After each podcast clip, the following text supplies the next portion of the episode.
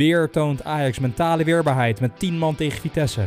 En in de tweede helft lijkt Erik ten Hag's ideale elftal vorm te nemen. Dit en een Argentijnse zoemblunder deze week in de Bongenstok Ajax podcast.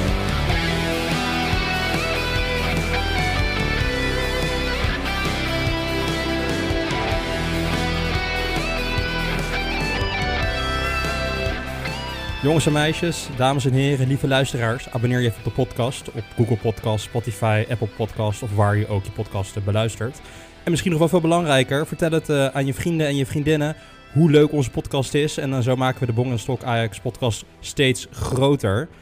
Um, Stok, ja, wij willen de podcast groter maken, maar ik begrijp net dat jij eigenlijk hele andere prioriteiten hebt. Jij hebt maar een hele korte tijd om deze podcast op te nemen, omdat je aan het, uh, aan het barbecuen bent, uh, begrijp ik. Ja, inderdaad, Bong. Kijk, lieve luisteraars, ik zit al een tijdje in, uh, in Griekenland en we hebben hier een fantastisch grote barbecue. En ik ben een beetje geïnspireerd, Bong. Ik zat te kijken naar een Netflix-show, America's Best Barbecuer. En ik heb er echt van genoten, dus toen dachten wij, ja, dat kunnen wij ook. Dus we hebben een enorm honk vlees gekocht, ruim 2 kilo. En uh, ja, die, die, ligt nu al een tijdje op de barbecue. Dus over uh, 45 minuten moet ik hem een keertje omdraaien. Dus uh, we zitten... we hebben een tijdslimiet vandaag. Oké, okay, nou, het, het, klinkt een beetje of je eigen, je eigen all-you-can-eat spares restaurant aan het openen bent, uh, Stok. Voor de Griekse populatie uh, die daar zit, die allemaal in economische nood zitten, kan je eigenlijk gewoon voor een 1 euro all-you-can-eat restaurant openen. En dan kan je even je barbecue kunst gaan beoefenen. Volgens mij heb je die, ja, die kunnen wel wat verscherpingen gebruiken. Ja, ik, moet zeggen, Bong, vandaag ging ik, vanmorgen eigenlijk, ging ik hardlopen. Dus ik, ik loop hier het huis uit, ging hardlopen, toen kwam ik terug. En de buurman die stond me op te wachten op, de, op straat. En uh, ja, die spreekt natuurlijk geen woord Engels, dus die begint tegen mij in het Grieks uh, te ouwen. Maar die zei, ja, je moet je auto verplaatsen, je moet je auto verplaatsen. Dus wij op een gegeven moment de auto verplaatst. En wat blijkt nou? Ja, de, bar, of de buurman, die zit ook al de hele dag te barbecuen. Dus die zit er in zijn blote barst ook met een biertje. En we staan letterlijk tegenover elkaar lekker te barbecuen. Dus uh, ja, ik heb vrienden gemaakt vandaag. je vrienden op het, op het Griekse vasteland. Nou, dat is ook weer een nieuwe stap in het levensstok. Hoe is het verder, Bong? Heb je een beetje prima weekend? Ja, je zeg het. Uh, normaal beginnen wij natuurlijk best wel een, een levensupdateje aan het begin. Maar ja, bij ons uh, stok in Amsterdam, het leven gaat zijn gang. Het leven gaat door. De nieuwe coronamaatregelen zijn in, in gang getreden. Dus ja, de cafés, restaurants en dergelijke moeten iets eerder dicht. Maar ja, ik, ben, ik neem best wel wat, uh, wat, wat aandacht voor de coronamaatregelen in, in acht. Dus ik, ja, voor mij maakt het niet zoveel verschil. Ik ga toch niet in de drukke cafés en restaurants zitten tot één uur in de, in de nacht. Dus ja, maar het was een best wel een rustig weekje geweest, Stok. Normaal uh, deden wij gaan natuurlijk heel graag met onze lieve luisteraars ons geweldige leven. Maar ja, ik moet heel eerlijk toegeven dat mijn leven heel erg gemiddeld is geweest uh, deze week. Dus ja, lieve luisteraars, we zijn net zoals jullie, uh, kunnen we eigenlijk wel zeggen. De gemiddelde Nederlander. Ja, ja, ja we zijn inderdaad de gemiddelde Nederlander. Dat klopt wel. um, maar Bong, dat betekent dat je eigenlijk de hele week wel een beetje nieuws hebt kunnen volgen. Is jou dan wel iets opgevallen in het nieuws? Heb jij een veldmannetje van de week? Jawel, wat doe je nou? Ja, ja, ja. Ik, ik heb zeker een veldmannetje van de week, Stok. En ik begrijp niet hoe jij deze niet, uh, niet hebt opgepikt.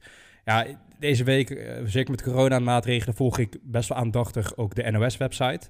Dus nou, weet je, wordt iets aangekondigd? Uh, zijn er dingen die we niet meer mogen doen in de stad? Dat soort dingen. Of in Nederland algemeen. En toen, ja, die hele corona-livestream, weet je wel komt er dan één nieuwsbericht naar voren. Nou, en ik heb daar echt een uur gewoon plat van gelegen. Ik vond het echt geweldig. Uh, volg jij de Argentijnse politiek een beetje stok in, de, in je dagelijkse leven? Dagelijks gaat een beetje ver, maar ik lees toch wel eens wat. Oké, je leest wel eens wat. Nou, ik, ik heb dus uh, een veldmannetje gespot in de Argentijnse politiek. Die, uh, nou, die er toe, mij doet toe leiden om iets aandachtiger de Argentijnse politiek te gaan volgen. Iets consistenter. Weet je wat er namelijk gebeurd is? Nou, wij hebben natuurlijk het, het, parlement, de Tweede Kamer in Nederland. Nou, die komen nu wel eens wat mogen weer fysiek samenkomen met afstand, desinfecteren, et cetera. Nou, in Argentinië is dat nog niet het geval. Dat, in Zuid-Amerika is het coronavirus natuurlijk nog, uh, nou, die houdt nogal huis. Nou, in Europa komt het ook een beetje terug, maar in Argentinië nog veel erger. Dus zij doen hun uh, plenaire sessies, dus als ze met de Kamer helemaal bij elkaar zijn, dan, dan, doen ze dat liever niet, het parlement in Argentinië. Dat doen ze dan virtueel, via Zoom, weet je wel. Nou, dat denk je, is een goed idee. Maar ja, wij werken natuurlijk ook allemaal virtueel uh, stok en we weten allemaal de regels. als je virtueel werkt of een vergadering zit, dan doe je je, je, moet je, zeg maar, je, je geluid uit als je niet aan het praten bent. Want ja, dan hoor je allemaal geluid op de achtergrond. En als je even koffie wil halen of thee of wat te drinken, dan doe je even je camera uit, toch? Dat, dat zijn wel een beetje de, de basisregels, of uh, vergis ik me hier? Ja, dat klopt. Ja. ja. Nou, in Argentinië is, is het camera uitzetten is, is nog wel een probleem. Want wat is er nou gebeurd? Ze zaten dus met het hele Argentijnse parlement, allemaal op Zoom. Dus je kon iedereen zien. En een Argentijns parlementlid, nou, uit een een of andere uithoek van Argentinië, weet ik veel welke regio dat was. Er, er komt een vrouw het beeld in lopen met enorme jetsers, echt van die enorme jetsers. En wat doet die gast nou, die van de Tweede Kamer? Die doet gewoon, die pakt die jetsers beet, die doet zijn gezicht er zo middenin. Die zat gewoon met, met al de borsten te spelen, midden op de Zoom van de Tweede Kamer.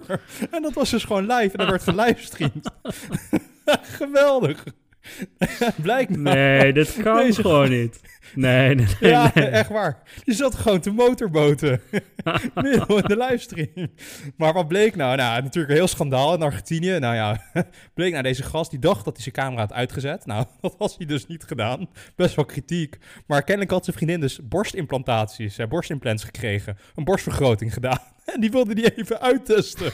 En hij dacht dat zijn camera aanstond. Ik vond het echt geweldig. Nee, maar Kan je wat, wat een moment om dat uit te proberen, Bonk. Je zit midden in een vergadering en denk je, ja, ja, mijn vriendinnen komt thuis, gelijk even motorboten, waarom niet? Kijk, der- daarom heb ik een schuifje op mijn eh, webcam, hè. Dat overkomt mij niet, Bonk.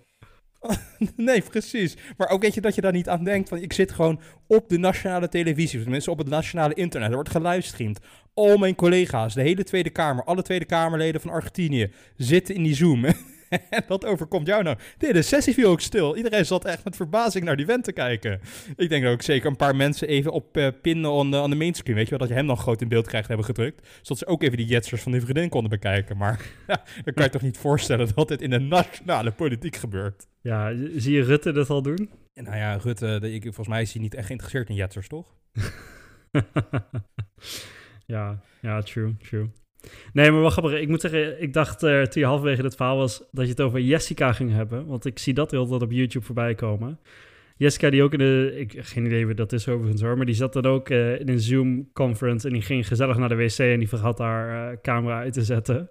Dat, eh, dat gaat ook wel viraal op dit moment. Maar deze had ik nog niet gezien, eh, moet ik eerlijk bekennen. Ja, nee, ik vind het geweldig en ik ga nu iets aandachtiger de, de politiek in, eh, in Argentinië volgen. Maar het was nog wel een week met nieuwtjes, hè, Stok? Want ik begrijp dat jij ook een paar dingetjes hebt gespot. Ja, ik, ik heb deze week heerlijk veel voetbal gekeken. En ja, sommige wedstrijden waren wat minder. Willem II bijvoorbeeld. PSV was ook niet om aan te gluren. Maar goed, die winnen dan tenslotte nog. Maar ik weet niet of jij die wedstrijd gezien hebt eh, van Tottenham. Die moesten naar een ploeg, ja, dus niet uit te spreken hoe, eh, hoe die ploeg heet. In Noord-Macedonië. Heb je dat gezien? Nee, nee, dat heb ik niet, eh, niet gezien, nee, die wedstrijd. Soms is er dat soort duels, laat ik me wel eens ontschieten. Ja, nou, en voor mij ook. Maar het was vrij veel nieuws, want wat bleek nou, Bong? Die, die gasten die hadden een, een doel staan, of allebei de, de doelen eigenlijk. En die waren gewoon te laag. Die waren ruim 5 centimeter te laag. Dus eh, Tottenham die, die heeft over geklaagd. Toen werden die, doel, eh, die doels die werden ook eh, vervangen. En daardoor was de wedstrijd twee uur later.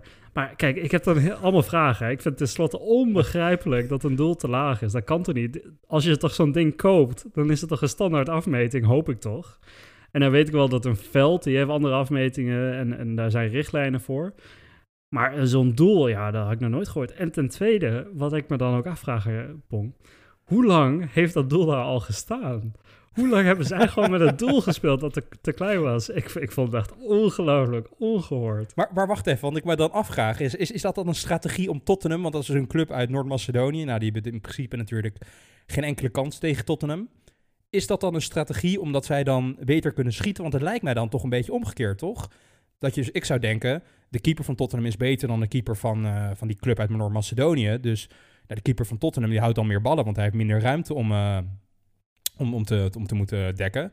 En ook de spelers van Tottenham kunnen bet- beter afronden. Dus dat is ook, eh, ook ze, hebben ook een voordeel in de aanval en een voor de voordeel in, in goal. Dus ik begrijp de strategie erachter ook niet helemaal, moet ik je eerlijk zeggen. Nee, ja, ik, ik eigenlijk niet. En als je daar logisch over nadenkt, je neemt toch aan dat de spelers van Noord-Macedonië, dat die eh, ja, gebaat zijn bij een groter doel. Want eh, die willen nog wel eens missen, lijkt mij. Dus eh, ja, hoe groter het doel, hoe beter. Dus ik had het eigenlijk andersom verwacht, eerlijk gezegd. Maar daarom denk ik ook dat er geen kwade bedoelingen waren of dat het expres was. Maar daarom vraag ik me ook vooral af. Ongetwijfeld is dit een fout. Ongetwijfeld was dit het goedkoopste op de markt. En daardoor, ja, ja goedkoop is duurkoop, vaak zeggen ze. En dat past hier dan ook wel.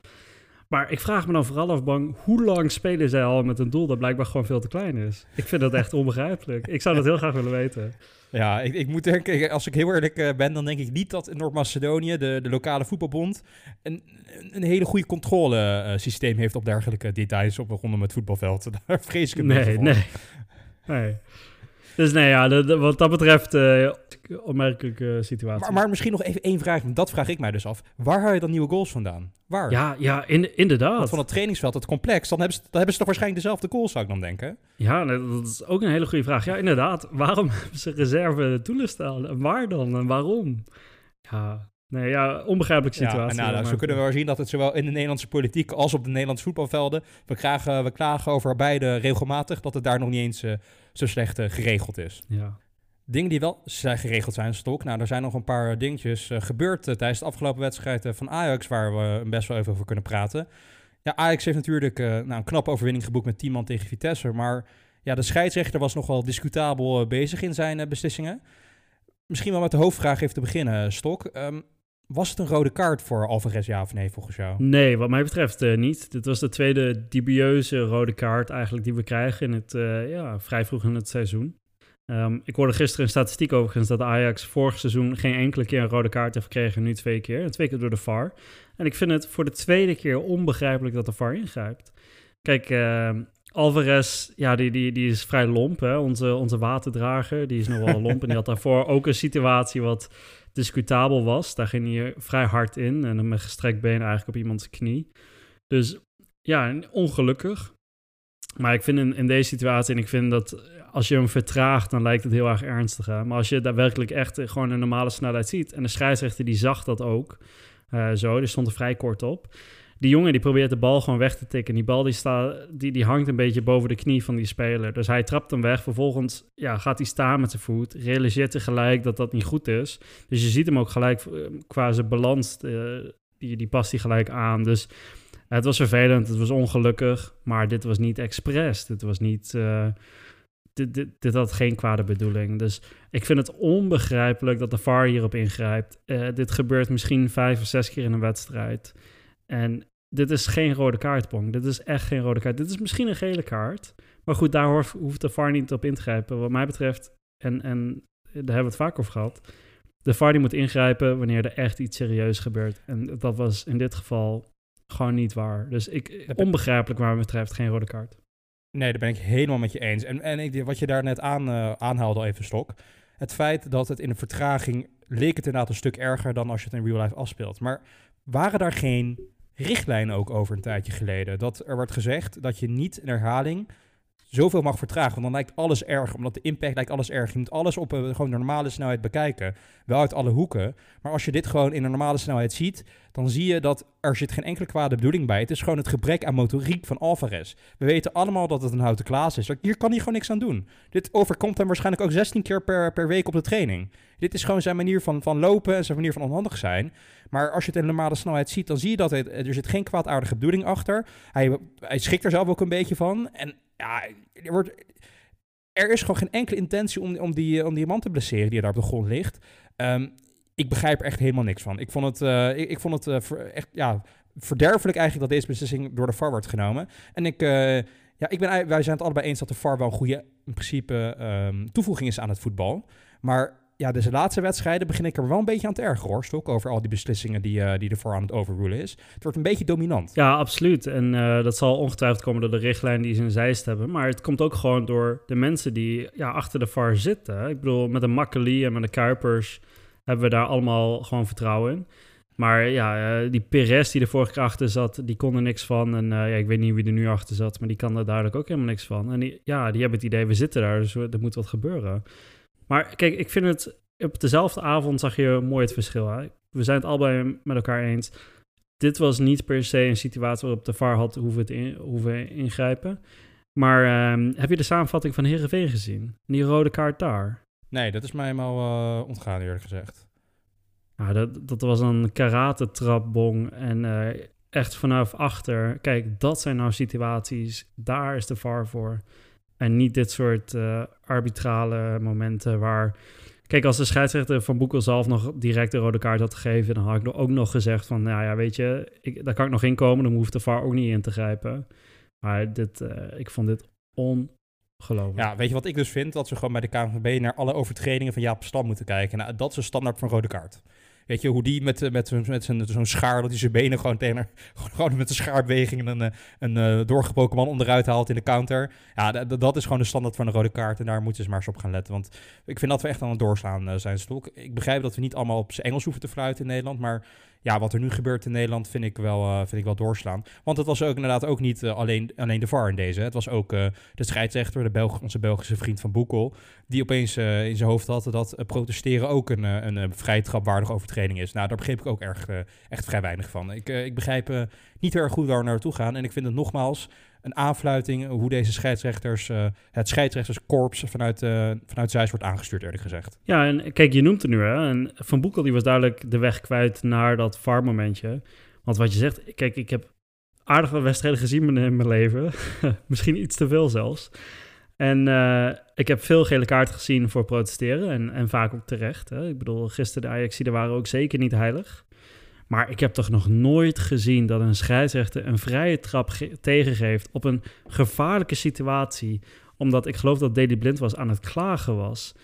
Nou, dat, dat heb ik echt nog nooit gezien hoor. Dan denk ik echt van Boekel, volgens mij ben je regels aan het verzinnen. En uh, onbegrijpelijk dat hij, dat hij dat deed. Hij was duidelijk de weg kwijt. En ik moet zeggen, ik heb de wedstrijd dan volledig gezien.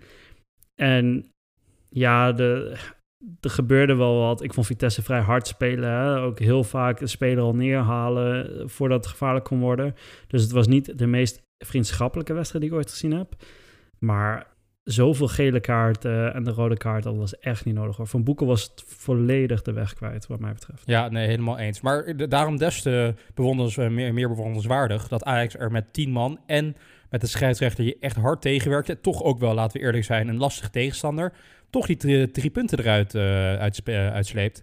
Hoe onder de indruk ben jij van deze prestatie van Ajax? Ja, boem. Um, tweede keer hè, dat, ze, dat ze gewoon toch winnen, ondanks dat ze met 10 man staan. Maar ik vind dat er ook nog wel wat te zeggen hierover is, Bong. Want ik vond ze eigenlijk beter spelen met 10 man dan met 11. Ja, ja dat, vond ik, dat viel mij ook heel erg op. En ik kan me toch niet onttrekken aan het idee dat dat ook heel erg ligt aan het personeel dat op het veld staat. En ja, dan komen we terug eigenlijk bij uh, een punt dat uh, de laatste paar podcasts uh, vaker naar voren komt. Dat is het feit dat Labiat in de spits toch niet de ideale situatie is voor het Ajax. Je merkt gewoon dat toen Tadic in de, in de spits ging spelen in de tweede helft, dat het aanvalspel een stuk vloeiender werd. Gewoon het verschil, het zijn die kleine dingetjes die Tadic doet, die die beter kan dan, dan Labiat. De bal in de loop geven, geven van, als er iemand in de loop, loop gaat uh, de aansluiting, bal vast, de bal verdedigen, in het duel sterker zijn. Zodat er, het is gewoon echt een kapstok-idee. Het is gewoon echt een, stevige spits die dan er net kan uitzakken, het spel kan verdelen. En bij Labiat, Labiat merk je toch dat hij iets meer aan het zweven is. Niet balvast, um, kan prima voetballen, maar hij is minder de, de kapstok waar Ajax zeg maar, aan kan hangen. En dat heeft Tadic uh, veel, veel, veel meer. En je merkt dat het hele spel gewoon vloeiender gaat lopen. Dat, het, uh, dat de opstelling dan uh, en het spelers om hem heen veel comfortabeler zijn. En dat gewoon die, die kleine dingetjes, die details die het verschil maken in de top... had Tadic die beheerst en Labiat niet. Dus ik, vond het, ik, vond het echt, ik vond het echt opvallend hoeveel beter ze in de tweede helft waren dan, dan in de eerste helft. En ja, ik denk dat Labiat heeft het nu drie keer mogen proberen, Stok is het nu niet gewoon een keertje klaar? Dat we nu moeten zeggen, uh, Labiat, um, dank voor je inzet. We, we, waarderen je heel erg, maar het is uh, bang vanaf nu. Ja, we zeggen het eigenlijk week in, week uit. Hè? We wachten gewoon tot Neres weer volledig fit is. En dan, uh, dan verhuist naar 9 en dan gaat Neres aan de zijkant spelen. Want ik vond ook dat het grootste verschil zag je eigenlijk met Quincy Promes. Die ging zoveel beter spelen toen Tadic uh, in de aanval stond. En niet volledig op 9 natuurlijk, hè, omdat we met twee aanvallen speelden. Maar je zag dat Promes, de combinatiespel, dat werd daar echt beter van. Um, dus ja, 100%. Ik vind Labiat vind ik een prima speler voor in de breedte. Hij heeft het goed gedaan in voorbereiding. Hartstikke prima om hem erbij te hebben. Maar uh, ja, niet goed genoeg voor dit Ajax om, om in de baas te staan. En het wordt tijd dat we de beste spelers gewoon in het team zetten. En Neres is beter. Dus uh, is maar naar 9 en de rest erin. Ja, daar ben ik helemaal met je eens. Over echt goede spelers uh, gesproken, Stok. Ik ben verliefd. Ik, uh, ik heb een mancrush op, op Anthony. Wat kunnen we, hoeveel superlatieven kunnen we aan deze jongen hangen? Derde wedstrijd in Ajax 1, officiële wedstrijd. Zo bepalend. En ik heb het gevoel dat hij elke wedstrijd beter wordt. Uh, ja, kunnen we nog iets negatiefs over Anthony zeggen eh, de- in deze tijd? Dit zijn spelers, Bon, daar ga je toch voor naar het stadion. Wat heb ik genoten van die vent, hè? Met zijn samba er ook bij, weet je wel. Af en toe even, even, ja, even een speler poorten of zo. Wat een heerlijke voetbal. Wat een dreiging komt daar vanaf. En wat speelde hij goed samen met Mazraoui aan die zijkant. Wat een gevaarlijke rechterkant hebben wij op dit moment. Ik heb echt genoten van, van Anthony. Wat je zegt, eh, verliefd. Mag ook wel voor 21 miljoen, hè? Laten we daar eerlijk eh, over wezen. Maar wat een fantastische speler en wat een pareltje heeft, eh heeft Overmars binnengehaald. Ik heb het gevoel dat hij echt elke wedstrijd beter wordt. Elke wedstrijd comfortabeler wordt. Ik heb deze wedstrijd weer dingen van hem gezien die ik de afgelopen twee wedstrijden niet heb gezien. Steekballetjes in de counter, buitenkantpaasjes met zijn buitenkant op zijn Johan Cruijff bijna. Hij kan nu met rechts afmaken, ook kennelijk. Wat kan die jongen niet? Het is echt, en, het is echt, het is echt eh, verschrikkelijk mooi om te zien hoe die jongen, hoe die jongen voetbalt. En ja, en misschien de meest ondergewaardeerde kwaliteit. En dat is, daar is hij misschien nog wel beter in dan Ziyech is gewoon het mannetje voorbij komen. Gewoon een mannetje uitspelen. Gewoon er voorbij met, eh, met, met snelheid of met een passeerbeweging. Deze jongen heeft echt alles. En ik, ik, ik begin nu eigenlijk al te vrezen, Stok. Want we gaan, we gaan het ook in de Champions League straks meemaken. En hetzelfde voor Kudus. Dat werd ook al gezegd eh, in de Fox Sports tijdens de nabeschouwing van de wedstrijd. Dat Kudus eh, en, en misschien ook wel Anthony... als ze zo door zich door blijven ontwikkelen... wordt het al na één seizoen heel erg moeilijk voor Ajax... om deze, deze jongens vast te houden. Want die zijn nu al zo dominant en zo belangrijk. Dus eh, het is echt indrukwekkend. En nogmaals, een chapeau en een petje af voor Mark Overmars. Ja, dit kan zomaar een Sanchez-verhaal worden. Die eh één seizoen fantastisch gespeeld heeft en eh, vervolgens dat hij naar Tottenham ging. Ja, Ik nee, sluit dat ook zeker niet uit. Nee, dat, eh, dat zou wel doemscenario's zijn. Want deze jongens, net zoals Ziyech, die wil je eigenlijk gewoon vier jaar bij, bij Ajax houden. Want weet je waar ik hem eigenlijk... Het grote, het grote punt dat ik uit deze wedstrijd trek, Stok, is...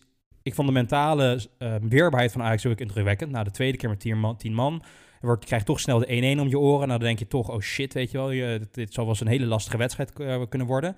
En dan toch eigenlijk beter gaan spelen. Beter zijn dan Vitesse in de tweede helft met 10 man. En wat ik het meest eigenlijk eh, positief vond aan deze wedstrijd, is hoe goed Ajax in de counter eh, was. En dat wordt in de Champions League natuurlijk wel heel erg belangrijk, want je gaat tegen steeds betere ploegen spelen. In de Eredivisie hebben we natuurlijk ja, bijna 90% balbezit elke wedstrijd. Nou, de Champions League krijg je natuurlijk veel sterkere ploegen die ook dominant kunnen zijn. En als je dan in een counter zo kunt spelen, zo makkelijker doorheen als, als een mes door de boter kan snijden, met de spelers die wij nu hebben en met Tadic dan hopelijk in de spits, dan belooft dat voor mij heel veel goed voor de Champions League. Want dan hebben we dus en ons gewoon normale dominante positiespel en de gevaarlijke counter. Nou, dat wordt het heel moeilijk voor tegenstanders, zelfs van topniveau, om tegen Ajax eh, te gaan winnen. Dus eh, ik, trek er heel veel positieve lessen voor, voor het Europese avontuur uit, eh, vooral Stok. Ja, precies. En wat je ook ziet bij zo'n Anthony, hè, zodra er gecounterd wordt en hij staat één tegen één eh, tegen de verdediger, eh, ja, vijf van de, van de zeven keer komt hij er langs. Hè? Dus hij, speelt zijn mannetje uit en dan gelijk eh, is het ontzettend gevaarlijk. Die jongen die, die heeft zoveel snelheid en die brengt zoveel gevaar daar ook mee. Dus inderdaad, wat je zegt op de counter, dodelijk. Absoluut dodelijk op dat moment. En ja, ik heb er best veel vertrouwen in. Nogmaals, als Neres ook aan de andere kant komt, dan heb je eigenlijk twee van die spelers aan de zijkanten. Ehm, en dan met lopende spelers als een Tadic en een, eh, en een Promes, die, eh, die toch snel het strafstofgebied inkomen. Ja, wordt dat, eh, wordt dat genieten, Bon. Ja. Misschien niet op zijn Ajax, hè, op de counter, maar alsnog gaat dat genieten Ja, worden. ja, ik, ik kijk heel erg uit naar het Europese avontuur. En wij zullen natuurlijk ook als de Champions League loting eh, gedaan is, nou, van de laatste kwalificatiewedstrijden moeten natuurlijk nog worden gespeeld. Gaan we daar natuurlijk een, eh, een uitgebreide analyse op, eh, op loslaten. Maar Stok, ik ben eigenlijk wel verbaasd dat jij jouw persoonlijke arbeidsfavoriet, zeg maar, jouw vervanger voor Donny van de Beek, waar ik wat minder enthousiast over ben, Jurgen Ekkelenkamp, er nog niet uit hebt gelicht. Ik dacht wel dat jij je niet je zou kunnen, kunnen weigeren om je gelijk te halen over, over Jurgen Ekkelenkamp deze wedstrijd. Ik ben, eh, ik ben een beetje teleurgesteld eigenlijk. Ja, ik, ik denk eh, we bewaren het eh, belangrijkste onderwerp voor het laatste Bon. Want inderdaad, wat je zegt, ik heb genoten van, van het middenveld dat er stond in de tweede helft, moet ik eerlijk zeggen. Ik vond Promes die speelde prima, niks bijzonders, dus die, die zullen we niet uitlichten. Maar ik vond Kudus weer echt fantastisch speler. Hoe hij zijn mannetje uitspeelt, constant wordt er ruimte gecreëerd door het middenveld en op de aanval. Dat is echt cruciaal. Uh, fantastisch moment gezien hoe hij een pirouetje om een speler uh, maakt. En die, glijdt dan ook uit, lekker op zijn kont zitten. Heerlijk, ja, heerlijk gezien. En ik vond ook eigenlijk Alvarez, die ja, met de rode kaart ging hij natuurlijk uit. Maar met een Ekkelenkamp erbij, Pong, dat was, eh, dat was een goed middenveld hoor. Die Ekkelenkamp had ook die diepgang en dat werd echt een heel erg dynamisch team. En goed, Ekkelenkamp die had een, uh, assist moeten geven. Hij ging weinig succes en, raakte paal. Maar ja, in principe uh, speelde hij ontzettend goed. Dus ik, ik denk eigenlijk stiekem dat uh, tegen tegenstanders zoals, zoals Vitesse en vooral als we weer tegen RKC en tegen Sparta moeten, dat Alvarez en Martinez maar moeten gaan banken. Want ik, ik denk dat we een fantastisch voetballend middenveld hebben met een Ekkelenkamp, met een Promes en met een Kudus. Ik, ik heb wel genoten van de panna van Ekkelenkamp. Die vond ik echt schitterend. Met zijn hakje zo op de rand van de 16.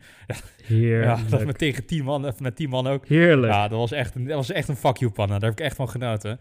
Maar ik, ja, ik ben er nog niet helemaal voor uit. Ik ben nog niet zo positief als jij, Stok, over, over het middenveld. Ik denk dat Kudus kunnen we niet meer onderuit. Nou, Gravenberg... Ja, wij zien allebei het toptalent wel in hem, maar het, het komt er maar nog steeds niet 100% uit. Dus die moet echt nog wel een stap gaan maken. Maar, maar Bong, we, kunnen, we zijn toch met elkaar eens dat het verschil tussen een Gravenberg en een Ekkelenkamp is dat een Gravenberg een 9 van de 10 keer vertraagt uit het spel. En een Ekkelenkamp doet dat niet. Dus op, dit moment is zo'n Ekkelenkamp toch beter voor dit Ajax middenveld? Ja, dat ben ik met je eens, Stok. Ik, uh, al, ja, Gravenberg vertraagt het spel, maar ik, ik, denk niet dat je met en een Kudus en een Ekkelenkamp in de Champions League kan spelen. Want dat zijn twee spelers die heel dynamisch zijn, maar ook nog wel eens nog best wel vaak diep willen spelen. Kudus zie je dat ook. Veel dribbles naar voren, doet hij geweldig. Volgens mij had hij de meeste dribbles op het hele veld van alle spelers. Maar we missen een beetje het. Uh, ja, ik ben er niet altijd even fan van geweest. Maar ik denk dat het type we ons wel uh, dat we die heel erg missen. Het type Lasse Schöne. Die gewoon iets meer in de controle speelt. Goed aan de bal. Het spel kan verdelen. Is gewoon een betere voetballende versie van Edson Alvarez eigenlijk. Dat type missen we een beetje om de balans te houden op het middenveld. Want eigenlijk het middenveld dat we nu hebben. Als het minste waar de tweede helft mee speelde. Met Promes, Ekkelenkamp en uh, Kudus. En dat is gewoon te aanvallend. Daar ga je in Europa niet meer overleven, vrees ik. Dus er gaan ook geruchten. Joep, ja, ik moet, moet zeggen, dat komt vanuit Joep Schreuder. Die vertrouw ik dan ook niet helemaal. Maar dat Ajax nog steeds naast op zoek is naar een, uh, een nieuwe middenvelder om, uh, om te complementeren. Maar ik moet zeggen dat ik dat geen gekke gedachte vind. Ik denk ook dat je dat gewoon nodig hebt in Europa met een lang seizoen, 60 wedstrijden. De aanval hebben veel mogelijkheden. Die missen we een beetje in, uh, op het middenveld nog. Echt kwaliteit om mee te kunnen roleren. Ik zou het geen gek idee vinden om uh, nog een, een, middenvelder à la type Lasse aan te trekken, Stok. Ik, ik denk dat dat nog wel, ook voor de breedte en ook voor de topwedstrijden wel nodig zal zijn. Ja, en dan, dan speel je een Kudus op de Frenkie de Jong rol dan eigenlijk, hè? De Frenkie de Jong positie. Precies, ja, want de Frenkie is dan de, was de linker uh, verdedigende middenvelder in het systeem van Ajax. En dan had je uh, ja, natuurlijk Donny en, uh, en Lasse. Nou, en ik zie nu Promes, ja, dat is dan de nummer 10. Ben ik, daar kun je over debatteren of dat een goede keuze is, ja of nee. Nou, Kudus is dus dan de Frenkie, maar dan moeten we ja, het type Lasse nog hebben om eigenlijk een Europees middenveld, een ideaal Europees middenveld te kunnen formeren. En ik ben heel benieuwd, want er gaan de geruchten worden steeds sterker. We krijgen natuurlijk geld binnen met, uh, met de inkomende transfers. Dat, dat dat de laatste, ja, het laatste puzzelstukje gaat zijn voor de selectie van het komende seizoen. En ik, uh, ik, ik hoop dat Overmars nog wel een, een mooie konijn uit zijn, uit zijn hoed tovert om die positie op te gaan vullen. Maar misschien wel interessant, Pong. En denk je dat een, bijvoorbeeld een Martinez dat niet zou kunnen op het middenveld? Want Martinez die zit nu natuurlijk op de bank en die, die krijgt de, Alvarez krijgt de voorkeur. Maar we gaan nu de komende, nou, misschien één of twee wedstrijden toch wel zien dat Martinez weer op het middenveld komt. Misschien uh, dat hij die rol kan. Vind jij Martinez voetballend goed genoeg dan daarvoor die rol? Dat, dat is een beetje mijn, uh, mijn grote vraag namelijk. Ja, ik, ik snap wel wat je bedoelt. Hij heeft natuurlijk niet de, niet de paas of, uh, of het inzicht van een, van een Schöne. Maar hij speelt de bal wel vaak naar de goede kleur en, en doet hij toch vaak iets beter dan Alvarez. Dat is ook niet heel moeilijk, hè? Laten we daar eerlijk over zijn. Nee. Nee, maar ja, misschien een beetje een rare gedachtenstok, maar vind jij het niet een vreemd idee? En, dat is natuurlijk een beetje raar om te zeggen, want er spelen heel veel ploegen met twee rechtsbenige middenvelders. Maar ik vind het idee met twee linksbenige middenvelders als verdedigende middenvelder vind ik raar. Vind je dat niet? Um, ja, dat weet ik niet zo goed. Het kan ook een voordeel zijn. Ja, nou, ik ben altijd fan en daar ben ik best wel ouderwets in. Dat ik gewoon een linksbenige speler op links wil hebben en een rechtsbenige speler op rechts, behalve een aanval. Ik denk dat dat gewoon makkelijk is voor de om de breedte in het veld te houden. Frenkies was daar een uitzondering op, want dat was natuurlijk gewoon een wereldvoetballer en dat is hij nog steeds. Maar ik, denk dat je eigenlijk, ik, ik zou niet zeg maar met Martinez en Kudus willen spelen, omdat je dan gewoon denk ik, iets te gelimiteerd bent in, in je opbouw via de rechterkant. En laten we heel eerlijk zijn, dat is wel de belangrijkste kant die Ajax heeft op het moment. Hè, met uh, de samenwerking die tussen Noes en, uh, en Anthony. Dat, uh, dat is, lijkt nu al een gouden duo. Dus ik denk dat die rechterkant, om die goed te bedienen, heel erg belangrijk is. En ik vraag me af of dan een Martinez aan de rechterkant van, de, ja, van het middenverdedigende middenveld... of dat nou de meest efficiënte keuze is, ja of nee. Daar, daar heb ik wel mijn, mijn twijfels bij, eerlijk gezegd. Ja, nee, ik snap wat je bedoelt. Ik, ik vrees alleen dat een type Schöne is moeilijk te vinden op dit moment. En ja, ik ben er wat dat betreft wel benieuwd waar Overmars dan eventueel nog mee zou komen. Maar ik denk, als die met niks komt, dat het nog wel intern op te vangen is. Ja, want als jij nu zeg maar de Champions League moet beginnen. Met, uh, we spelen, we weten natuurlijk nog niet wie onze tegenstanders zijn. Maar hoe zou jij je middenveld gaan formeren dan? Ja, dat is een goede vraag. En, en het is nog een beetje afwachten, ook volgende week. Maar ik zou wel met Kudus en met Promes spelen. Ik vond Kudus trouwens verdedigend vrij sterk. Hè? Goede ingrepen had hij. Um, liep veel gaten dicht. Dus wat dat betreft, eh, dat verdedigen, dat heeft hij wel. En ik zou misschien toch een lopende speler ernaast zetten die, die beide kan doen. Um, die verdedigend zijn mannetje staat, die wel de hele tijd terugrent, maar uh, ook toch wel aanvallend diepte, uh, ja, de diepte in gaat. Dus ik zit inderdaad dan te denken aan een type, misschien wel een Ekkelenkamp. Um, al moet hij dan zeker wel stappen zetten, maar iemand die uh, ja, allebei eigenlijk doet. Hè? Die toch nog wel terugrent, die, die zijn mannetje blijft, uh, blijft dekken. Maar die vervolgens, als je in balbezit bent, ook echt, uh, echt naar het 16 meter gebied gaat van tegenstander. Dus dat zou een goede optie zijn. Als ik echt tegen een hele goede speler of team zou spelen, dan zou ik misschien toch met de Martinez gaan. Om toch nog een extra slot op de deur te hebben. Want we moeten wel gewoon realiseren dat we heel veel voetballers hebben. En Blind zat ook weer te strooien met ballen, dus die kan het vanuit achteruit. We hebben ontzettend veel voetbal daar voorin staan. Kudus op het middenveld, die eventueel uh, ja, die twee kan, uh, uh, kan combineren eigenlijk. Dus wat dat betreft um, zou ik of voor misschien eigenlijk kamp gaan of voor Martinez. ja, nee, ik begrijp je gedachten ging heel goed. Ik, ik, ik wil nog één dingetje zeggen over Kudus, want ik, was zo, ik ben heel erg onder de indruk van zijn loopvermogen. Maar ik denk dat hij eigenlijk nog kan groeien door positioneel verdedigend beter te staan. Want ik denk dat hij nu gaat aan dichtlopen is die hij eigenlijk al had kunnen voorkomen door gewoon positioneel goed te staan. Als, als hij die stap kan maken, verspeelt hij eigenlijk nog minder energie. Kan hij nog meer energie in zijn voetballend vermogen en in zijn dynamisch vermogen naar voren leggen. Dus eh, dat is een stapje dat hij moet maken. Dat is even een, side note. Ik zou toch gaan voor, voor Gravenberg op de positie van, uh, van de rechters, of rechten, uh, de rechtermiddenvelder. Puur omdat ik ook denk dat als je hem een instructie meegeeft, Ryan, je mag maar twee keer de bal raken de hele wedstrijd en mag niet meer dribbelen, dat hij dan echt stappen vooruit gaat zetten. Dan kan hij echt een geweldige middenvelder à la Modric worden, denk ik. En je moet, laten we eerlijk zijn, deze jongen die is ook gewoon rijp voor speelminuten. En die wordt niet beter van banken of jong Ajax. Je moet op een gegeven moment ook een risico gaan nemen met een toptalent. Je moet je gewoon de speeltijd gaan geven. En ik denk dat Gravenberg daar aan toe is. En dan moet je gewoon leven met de ja, met de, met de fouten die hij gaat maken, die zijn een beetje inherent aan zijn ontwikkeling. Maar ik denk niet dat je die jongen nu op de bank kan gaan zetten. Voor zijn ontwikkeling, voor de marktwaarde, voor de jeugd van Ajax is dat geen goede beweging. Ik denk dat je Gravenberg, ook al is hij misschien niet de ideale oplossing, maar dat hij daarin wel kan groeien, dat je die gewoon de ruimte moet geven, Stok. En dan, ja, dan, dan moet je, daar, er gaan dieptepunten aan zitten, er gaan fouten aan uh, vastzitten, maar daar, daar moeten we mee leven. Want dat is wel een beetje het DNA van Ajax. Hè? Want we, dit, dit, is een toptalent uit de jeugdopleiding. Ik vind dat we wel, die wel gewoon echt de kans moeten geven. Bong, ik moet zeggen, je hebt misschien een ander accent, maar je begint ontzettend als ten harte klinken op dit moment hoor. Met je analyse over Kudus. Dat, uh, ja, ja, iets minder haar, maar uh, voor de rest klinkt het perfect als Ten Hag. Uh, ja, ja maar ik heb ook gewoon goed voetbalverstand. En Ten Hag is gewoon een toptrainer, Stok. Dus Ten Hag en ik, uh, die begrijpen elkaar. Ik denk dat, dat we Erik gewoon moeten vragen om een keer te gast te komen in de podcast. En dan heeft hij gewoon een... ja, gewoon een, een, op intellectueel niveau een, een gelijkwaardige sparringspartnerstok. Dan moet jij maar de vragen stellen en gaan, gaan Erik en ik gewoon een, een, een echte voetbal in technisch inhoudelijke discussie voeren. Ja, lieve luisteraars, vooral degene die ons volgen op Instagram, jullie hebben wellicht gezien dat uh, Bong het goed had met zijn voorspelling voor deze week. En uh, duidelijk, duidelijk stijgt het al naar zijn hoofd, hè? Dat kan toch bijna niet anders zo. Ja, maar dat komt ook een beetje stok, omdat uh, ja, wij hebben op onze Instagram natuurlijk ook een, uh, houden wel eens nog af en toe polls over ja, geruchten, transfergeruchten en dingen die spelen rondom Ajax. En het lijkt erop dat, um, ook een beetje de, de link met de jeugdspelers, dat mijn transfervoorspelling voor Serginho Des, dat hij uiteindelijk toch naar Barcelona in plaats van Bayern zou gaan, uit gaat komen stok. Hij, uh, dat was vandaag in uh, het nieuws dat Serginho Des gespot is op een uh, vliegtuig richting de Spaanse zon. En dat hij daar zijn contract gaat ondertekenen naar Barcelona stok. Um, nog niet officieel, maar het lijkt er heel erg op dat hij die kant op gaat.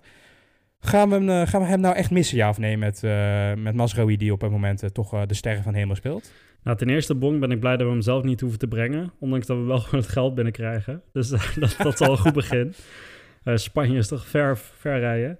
Maar nee, ja, weet je, 20 miljoen en eventueel met bonussen 25 miljoen. Um, voor een speler die één seizoen goed gespeeld heeft, laten we, het, laten we wel realistisch zijn dat is, uh, dat is pure winst. Een jeugdspeler ook. Um, en op dit moment, kijk, hij zit natuurlijk op de bank, maar hij zit ook echt op de bank omdat hij op dit moment gewoon niet de beste speler is. Ik vind uh, Noes fantastisch hoe hij zich teruggeknokt heeft in de baaself. En hij speelt eigenlijk beter dan in zijn beste seizoen op dit moment. Dus ik heb echt heel veel respect voor, uh, voor Noes, voor Masraoui.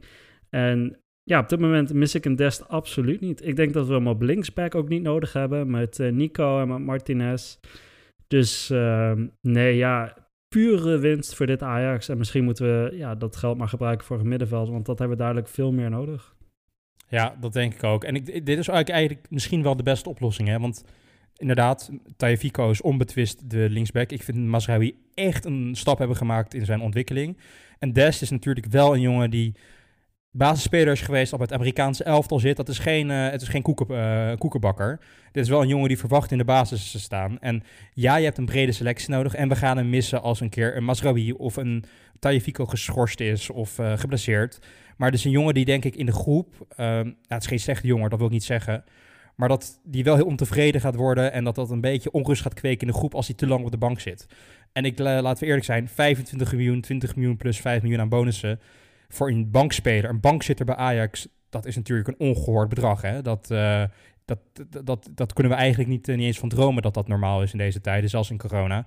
Dus ik ben er ook niet heel erg rauwig om. En we zijn er denk ik allebei wel van overtuigd dat deze jongen een goede potentie heeft, uh, Dest. Maar dat op dit moment heeft hij geen plek in Ajax 1. Ja, en dan moeten we gewoon blij zijn met, dit, met geld. En dat kunnen we gewoon ergens beter in investeren om het elftal Champions League proef te maken, om het zo maar te zeggen. Maar Bong, we zijn toch uh, met elkaar eens dat het verschil tussen die twee is schrijnend eigenlijk. Hè? Ik bedoel, Mazraoui die speelde een fantastisch eerste seizoen. Verloor daarna zijn basisplaats aan Dest. En we hebben die jongen nooit horen klagen. Hij heeft gewoon hard gewerkt, uh, geprobeerd weer terug te komen naar de baas. Dat is hem nu gelukt. En eigenlijk sinds hij in de baas staat, hoor ik Dest alleen maar klagen. En hij wil alleen maar weg. En hij wil naar teams dat, dat ja, waar hij ook gewoon op de bank gaat zitten. Dus ik vind het verschil vind ik schrijnend. En vandaar dat ik het echt een fantastisch verhaal vind. Echt een jongensboek eigenlijk. Hoe Martinez zich teruggevochten heeft. Of sorry, uh, zich teruggevochten heeft. En gewoon fantastisch staat te spelen. En volkomen terecht staat hij in de basis. Dus wat mij betreft, Dest strikt eromheen. Uh, bedankt voor, uh, voor ja, de bewezen diensten. Maar uh, ja, ik ben er niet rouwig om. Ik ben ontzettend enthousiast over zijn vervanger eigenlijk. Ja, nou ja, zoals vervanger, gewoon degene die in de voorhand staat in de hiërarchie. En ik wil daar best wel even echt, en dat wil ik wel echt even uitlichten, een compliment geven aan de mentaliteit inderdaad, wat je terecht zegt, van Noes. Er wordt best wel vaak natuurlijk gezegd, een beetje een stereotype, dat jongen met, jongens met een, ja, met een immigrerende of een immigratieachtergrond moeilijk jongens zijn in een groep, moeilijk tevreden te houden. Maar Noes inderdaad, dat is gewoon een mentaal sterke jongen, nooit klagen, in de dienst van het elftal spelen. En ik denk misschien de belangrijkste stap die hij heeft gezet dit jaar, Stok. Vorig heeft natuurlijk best op het middenveld een keer een kans gekregen. Hij heeft nu gewoon geaccepteerd, ik ga me focussen op die rechtsback-positie en daar ga ik gewoon een Europese topper in worden. En als hij daarop focust, dan denk ik voor hem is de sky the limit. En uh, als Ajax zijn, dan moet er gewoon heel erg blij mee zijn. Dat we een dergelijke jongen met zoveel kwaliteit en zo'n mentaliteit in de selectie hebben. Ik vind dat een toegevoegde waarde voor Ajax en een toegevoegde waarde voor, voor de groep.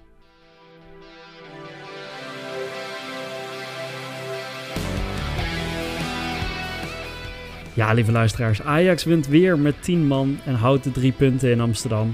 Al was het ook wel weer met de hakken over de sloot, moet eerlijk gezegd worden. Ondanks dat hebben wij fantastische momenten gezien van onder andere Kudus en Anthony. En ja, deze pareltjes, tot hoe ver kunnen die reiken?